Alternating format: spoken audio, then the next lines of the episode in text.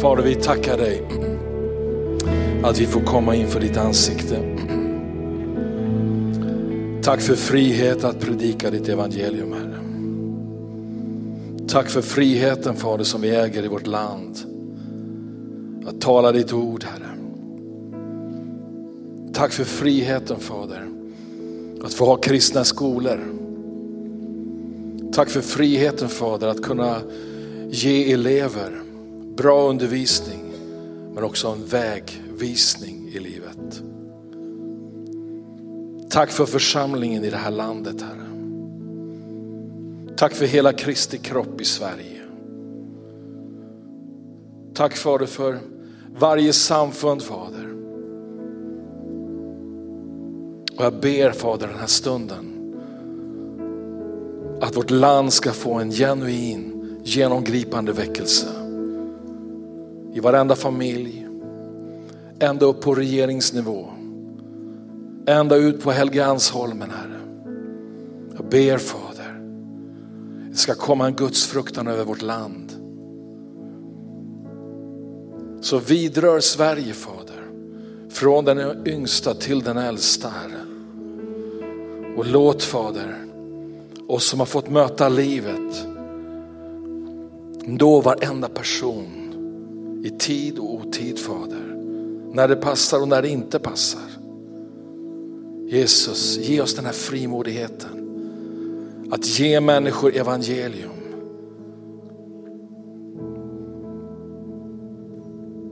Jesus, låt oss ta varje tillfälle som du ger oss att predika evangelium för varenda person Herre. I Jesu namn. Amen. Halleluja.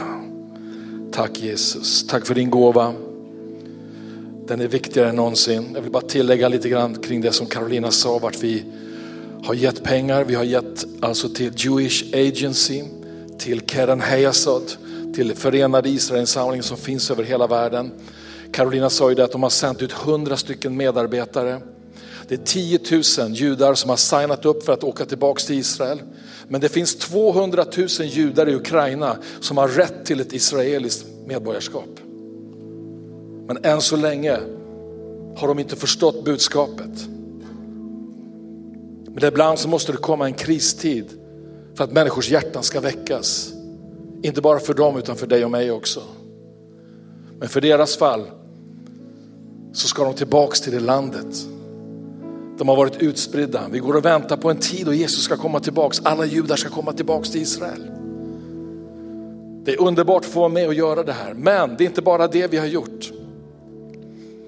Vi har också sänt pengar till eh, Franklin Graham, alltså Billy Grahams ministry i USA, som har ett eh, enormt stort arbete på gränsen till Ukraina och in i Ukraina. De har stora traumateam som åker in och hjälper barn och vuxna som har hamnat i alla dessa svårigheter med kriget och är hårt drabbade. Så vi är med och vi kommer fortsätta vara med i det arbetet också. I alla de här teamen som sänds in för att hjälpa människor. De här är hjältar.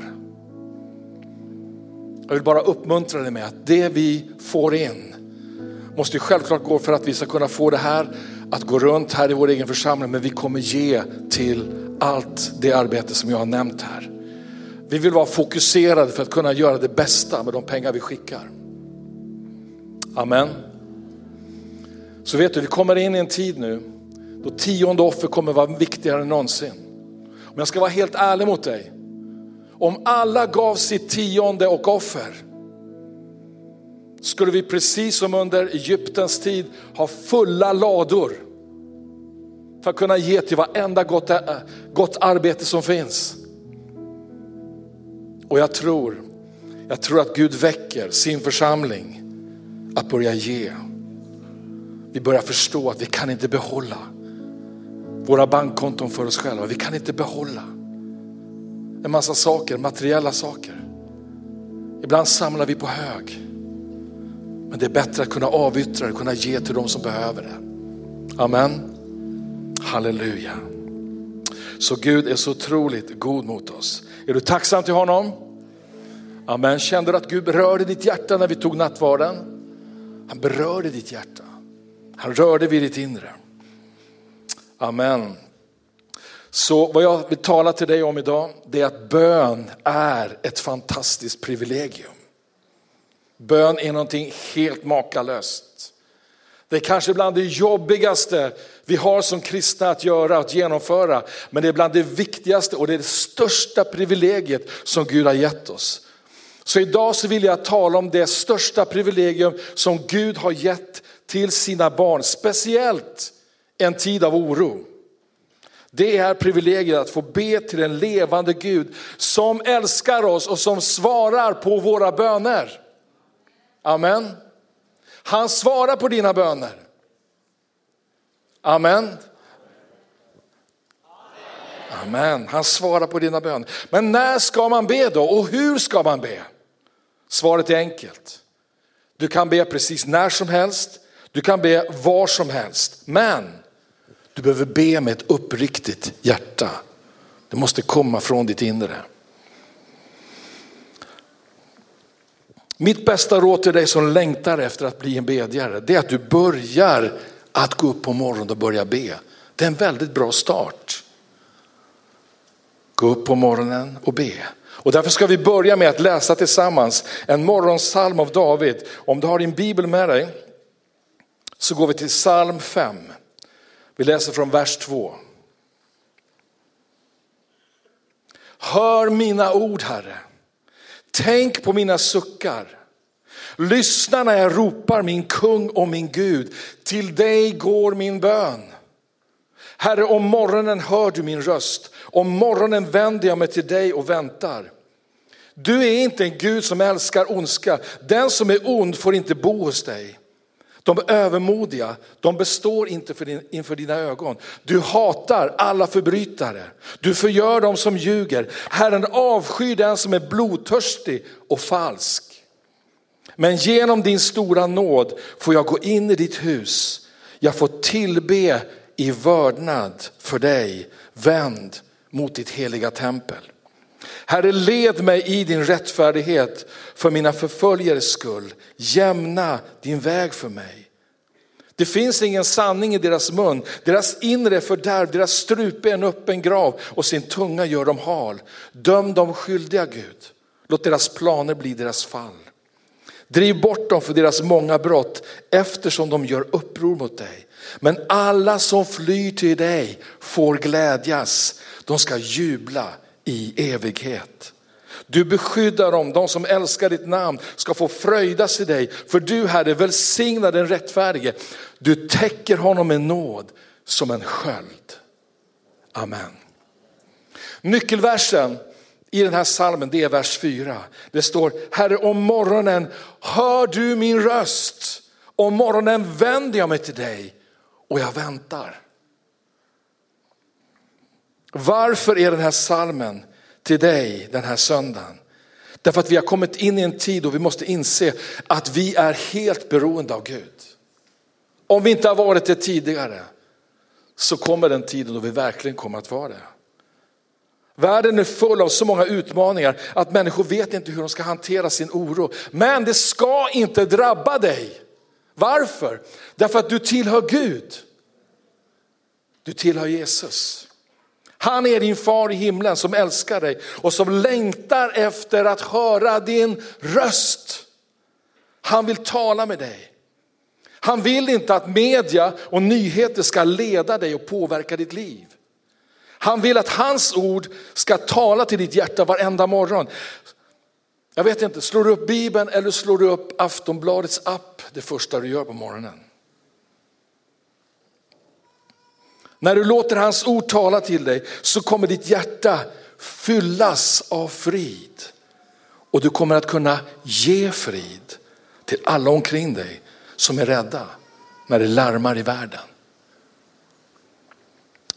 Det här året 2022, lyssna nu, 2022 är en gåva från himlen till dig.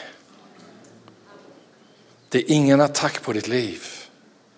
2022 är en gåva från himlen till dig. Varenda ny dag är ett nytt blad av nåd och skriva med och för vår Gud. Våra liv som vi lever idag kommer att eka ända in i evigheten. Det har redan börjat nu. Vårt hem är inte här på jorden. Vårt hem är i himlen. Och det är dit vi är på väg. Därför ska vi se till att vi lever så nära Guds hjärta genom att be och vara med Gud redan nu. Om du inte har haft kontinuitet i ditt böneliv, om du har liksom hoppat över det här varje morgon och bara gått till ditt arbete eller din skola så kan du börja imorgon. Och ännu bättre med tre dagar av fasta. Du kommer tjäna in så mycket pengar. För du kommer inte behöva köpa någon mat.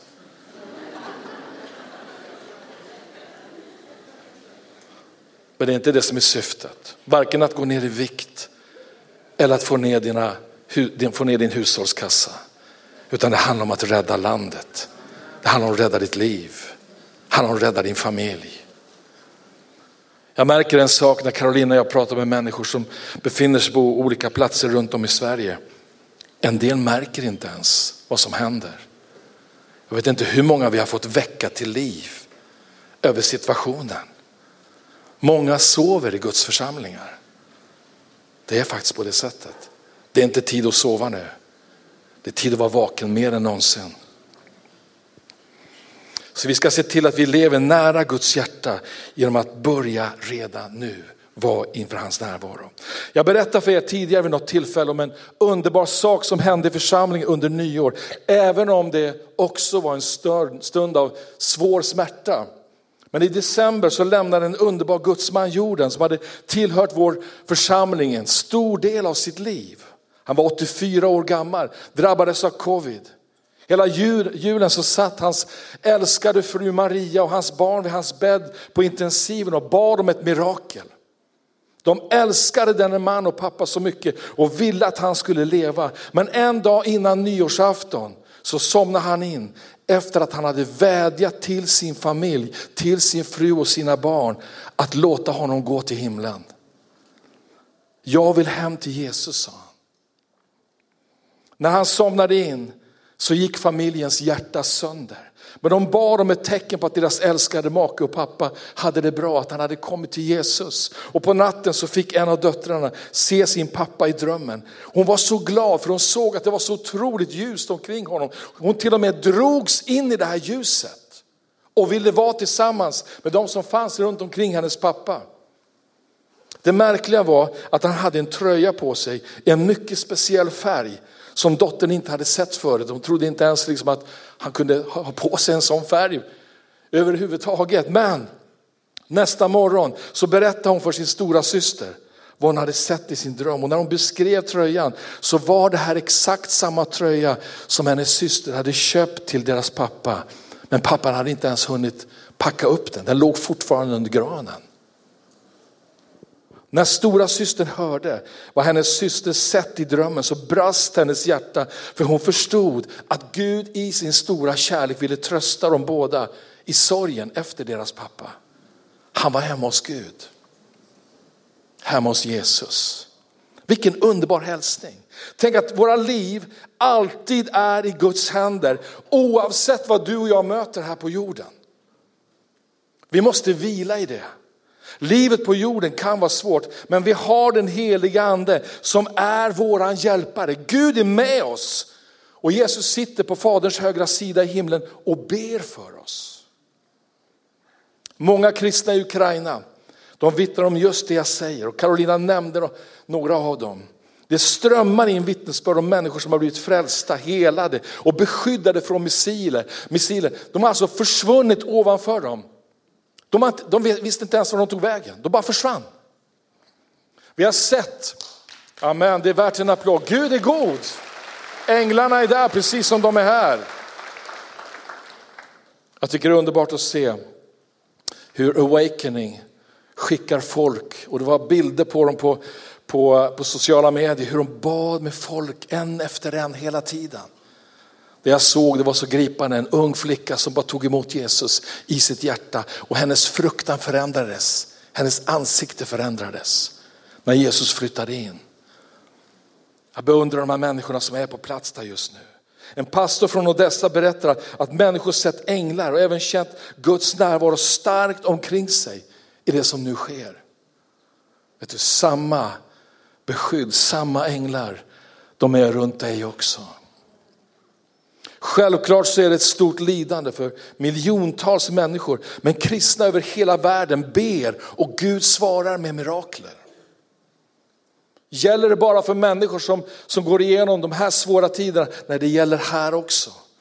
Gud vill förbereda dig och göra dig medveten om att det finns en person som älskar dig, den helige ande som vakar vid din sida hela tiden. Gud omsluter sina barn med sin kärlek. Psalm 139 vers 7 säger så här, vart kan jag gå för din ande? Var kan jag fly för ditt ansikte?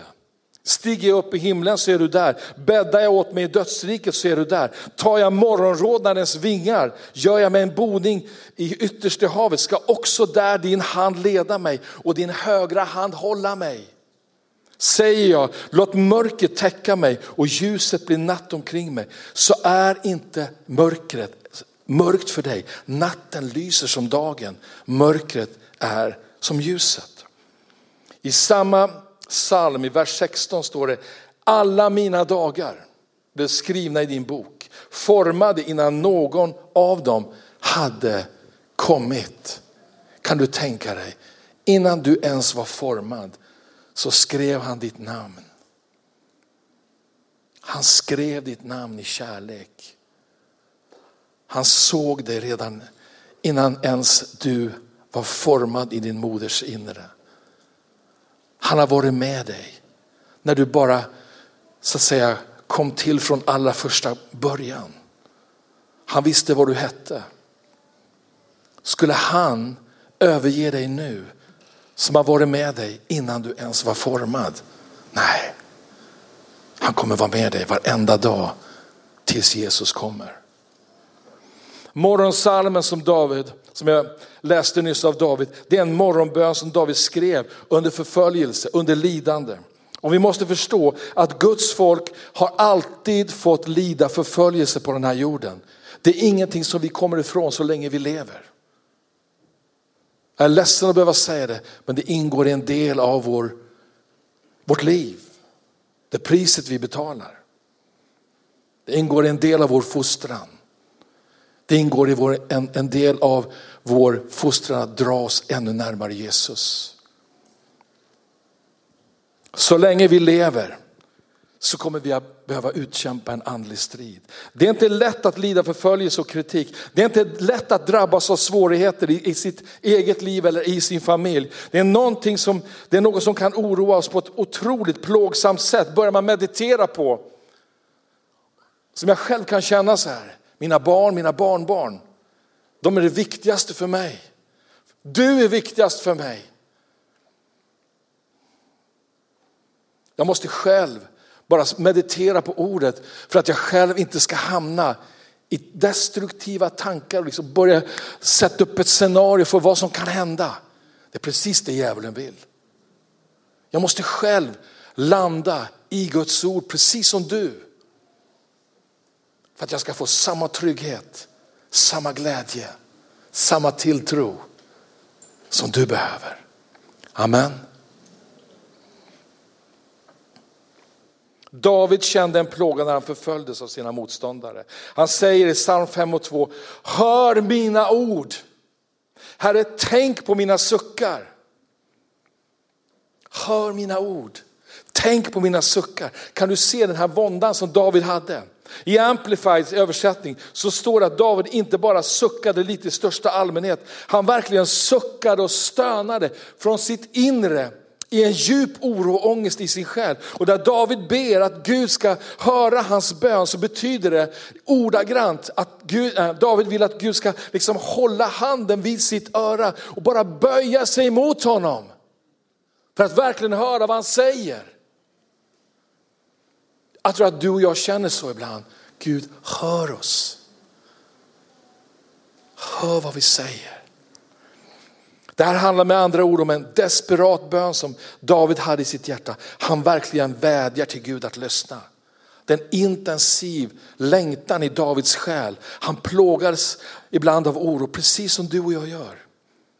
I vers 3 så står det, lyssna när jag ropar min kung och min Gud, till dig går min bön. Jag tror att du och jag många gånger kanske måste gå igenom svårigheter för det tvingar oss att bli helt beroende av Gud. Vår bön blir intensiv, den blir desperat och så angelägen så att Gud blir vårt allt. Jag hör om en, en ung man i församlingen här. Han skrev till oss. Han sa att han hade suttit i bilen och bara börjat be. Och han bara grät och grät och utgöt sitt hjärta. Och Guds ande kom över honom. Och han skriver, jag har fått min glädje tillbaks. Det började med en djup ångest. Och hans rop från hans hjärta förändrade hans inställning till livet. Och han fick hopp. Han fick hopp igen. Precis som du kommer få. När du ropar till Gud så kommer Gud ge dig hopp. David erkänner och deklarerar, han säger du är min kung, du är min Gud. Davids hela fokus och överlåtelse, det var till Gud och inget annat än Gud. Det är därför Gud får den första tiden på morgonen när David gör, innan David gör någonting annat. Vers 4 säger, Herre om morgonen hör du min röst. Om morgonen vänder jag mig till dig och väntar. Och vi ser här att David bad på morgonen innan han gjorde någonting annat, innan någonting annat överhuvudtaget kunde uppta hans tid. Alla omständigheter. Allt pipande, så fort du sätter på din telefon så, och du har satt, satt på notiser så plingar det hela tiden. Notis efter notis efter notis. Och vi tillåter oss själva att ha det här. Och varje gång du hör det här plinget så är det som en tvångstanke. Du måste lyfta på telefonen. Har du märkt det? Oj, nu plingar det här. Hela tiden plingar det om Ukraina. Matteus 6.33 säger så här, nej sök först Guds rike och hans rättfärdighet så ska ni få allt det andra också. Vilket våldsamt löfte. Att söka Guds rike först betyder enkelt översatt att söka Guds ansikte och hans vägar före allt annat. För när vi gör det så ska allt det andra tillfalla oss. Allt det andra som du vill ha.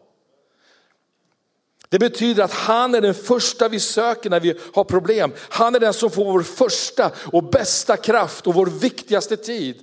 Men vi söker inte bara honom när det, när det gäller svårigheter och när de hopar sig, utan också när allting är bra, när allting är härligt. Det är där det börjar. Därför du ska börja imorgon. Med morgonbön, du kan ju be ikväll också. Men jag pratar om morgonbön, hur du startar.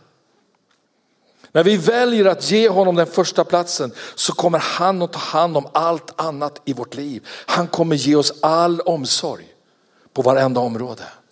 Det är en garanti jag kan ge dig.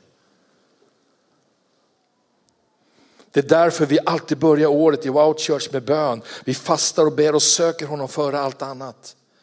Att göra det är ingen religiös plikt, det är en förmån. Det är ett privilegium att få vara nära Jesus.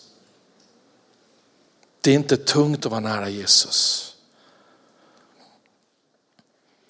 Och jag tänker på det här med Amplify, det är en översättning för att du ska förstå som ger lite tydligare och lite mer substans till, till Guds ord.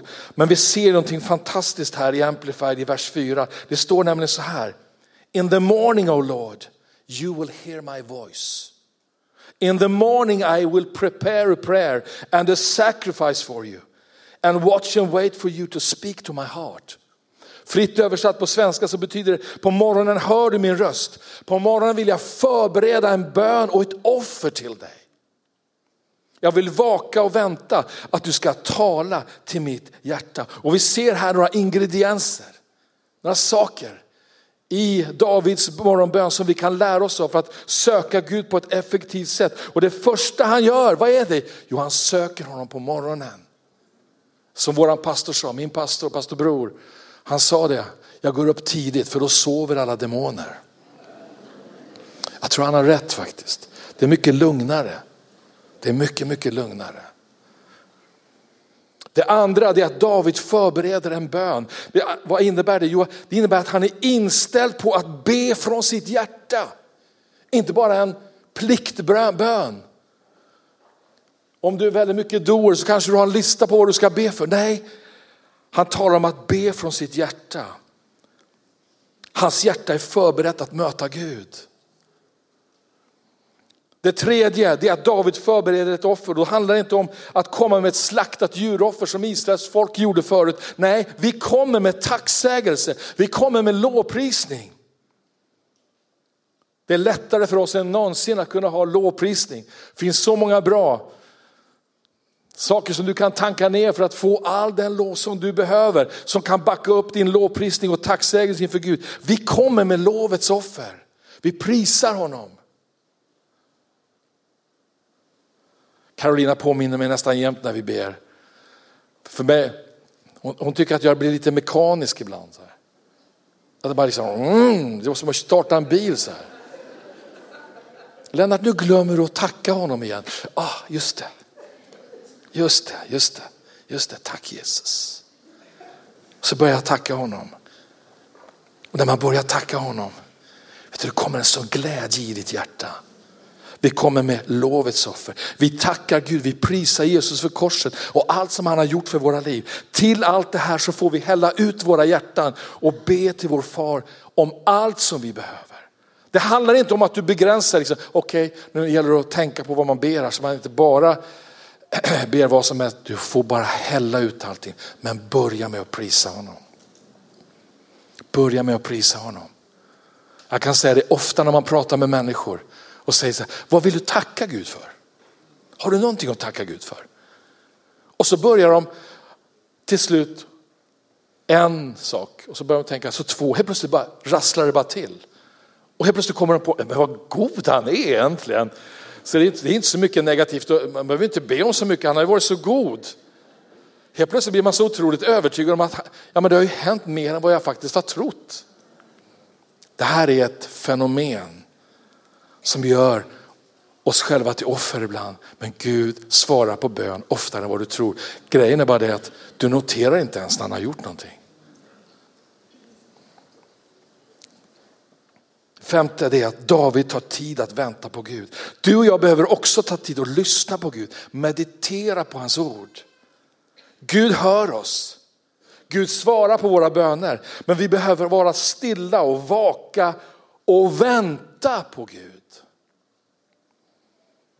Bön är en tvåvägskommunikation. Låt inte bönen bli bara att du talar till Gud. Låt honom tala till dig. Bara invänta honom. Bön är en relation med en levande Gud.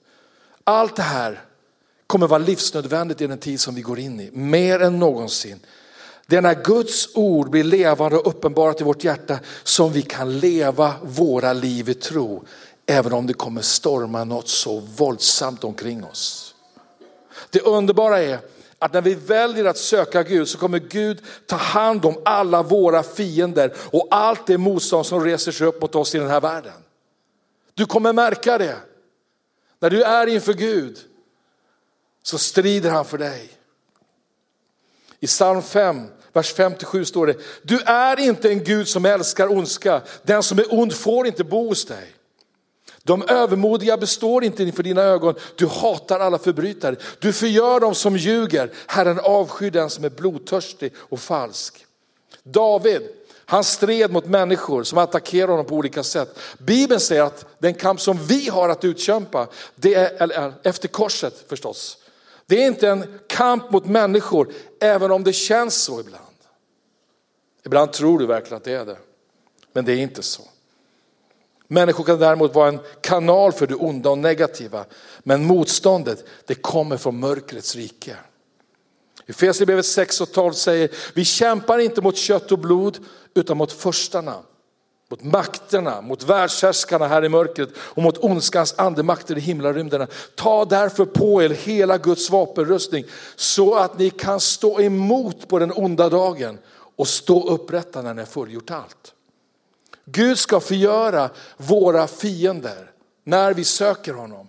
Varenda morgon. Han kommer slå ner dem genom vår lovprisning, genom att vi ber ut ordet och deklarerar vad Jesu blod har gjort för oss. Vi har seger, du har seger, jag har seger i Jesu namn. Amen. Du har seger i hans namn. Säg Jesus. Säg Jesus. Jag har seger i Jesu namn. Uppenbarelseboken 12 och 11 säger de övervann honom genom lammets blod och genom sitt vittnesbördsord. De älskade inte sitt liv så högt att de drog sig undan döden. När vi söker honom så ska han också visa hur vi ska be och hur vi ska strida i våra böner för att hans seger ska bli synlig i ditt och mitt liv. Låt mig avsluta med att återigen bara läsa hur David avslutar denna morgonbön av djupaste suckan inför Gud. Från vers 8. Men genom din stora nåd så får jag gå in i ditt hus.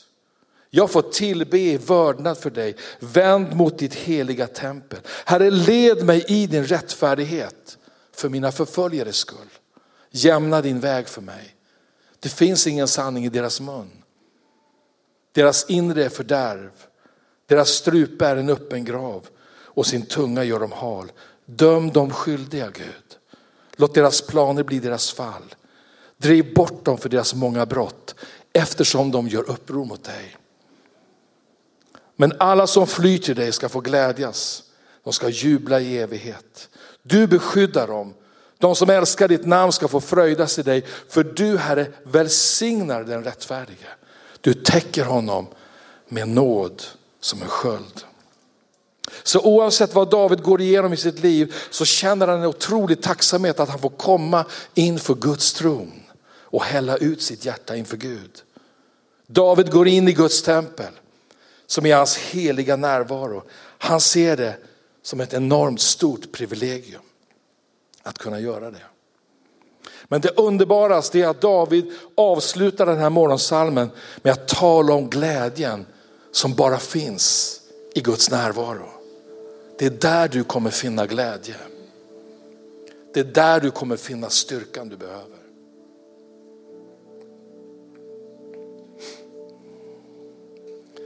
De som kommer till Gud ska få glädjas i all evighet, inte bara på jorden. De som är rättfärdiga, den som är rättfärdig och lever beroende av Fadern ska få njuta av hans välsignelse. Det är vad du ska få göra. Den som vilar i hans heliga närvaro ska uppleva att Guds nåd det är som en sköld mot allt som vill komma emot oss i den här världen. Vilket beskydd du och jag har i en orolig och oförutsägbar tid. Vilket gömställe vi har i Gud. Låt oss fatta ett beslut i våra hjärtan att varenda morgon söka Gud före allt annat. Psalm 5 och 4 säger, Herre om morgonen hör du min röst. Om morgonen vänder jag mig till dig och jag väntar.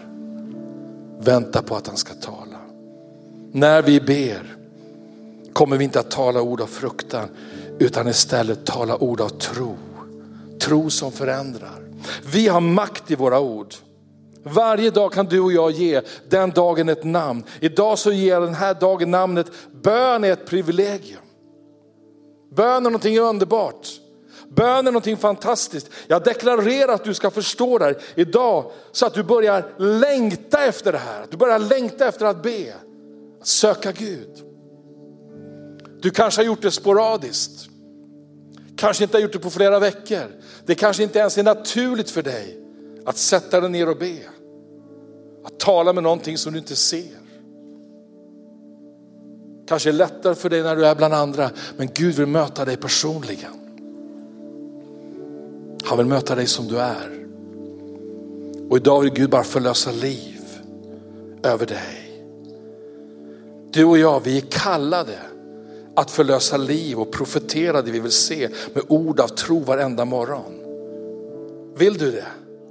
Vill du profetera ord av tro varje morgon? Amen. Över dig själv, över dina barn, över ditt äktenskap. Du har fått makt i dina ord. Amen. Prisat var det. Vi ska bara stå upp en stund. Vi ska bara be tillsammans. Låt oss vara konkreta. Låt oss be här tillsammans. Jag har några olika saker som jag bara önskar att du och jag kan be över tillsammans. Det första det är att vi bara kan ställa oss, kanske i små grupper, och så bara ber vi om längtan efter mer av honom. Ta några stycken som finns runt omkring dig. Ta varandras händer. Och så bara ber vi, ber vi frimodigt. Be över att vi ska få en längtan i våra hjärtan efter mer av Gud. Och be ut från ditt hjärta där du är. Medan jag ber här så ber ni tillsammans där ni står. Fader vi bara kommer inför dig den här stunden. Helige ande, låt bönens ande bara komma över församlingen den här stunden Fader. Fader, vi böjer oss inför dig Fader. Vi ber om förlåtelse Fader för att vi kanske har varit dåliga på att uttrycka Fader den kärleken vi känner. Vi har mest kommit med våran oro, vi har mest kommit med vår otro. Vi har mest kommit bara med saker vi behöver Fader. Men den här stunden Fader så sträcker vi oss till dig Fader. Fyll oss Fader. Att vårt rop ska bli efter mer av dig, efter mer av din närvaro efter mer av smörjelsen.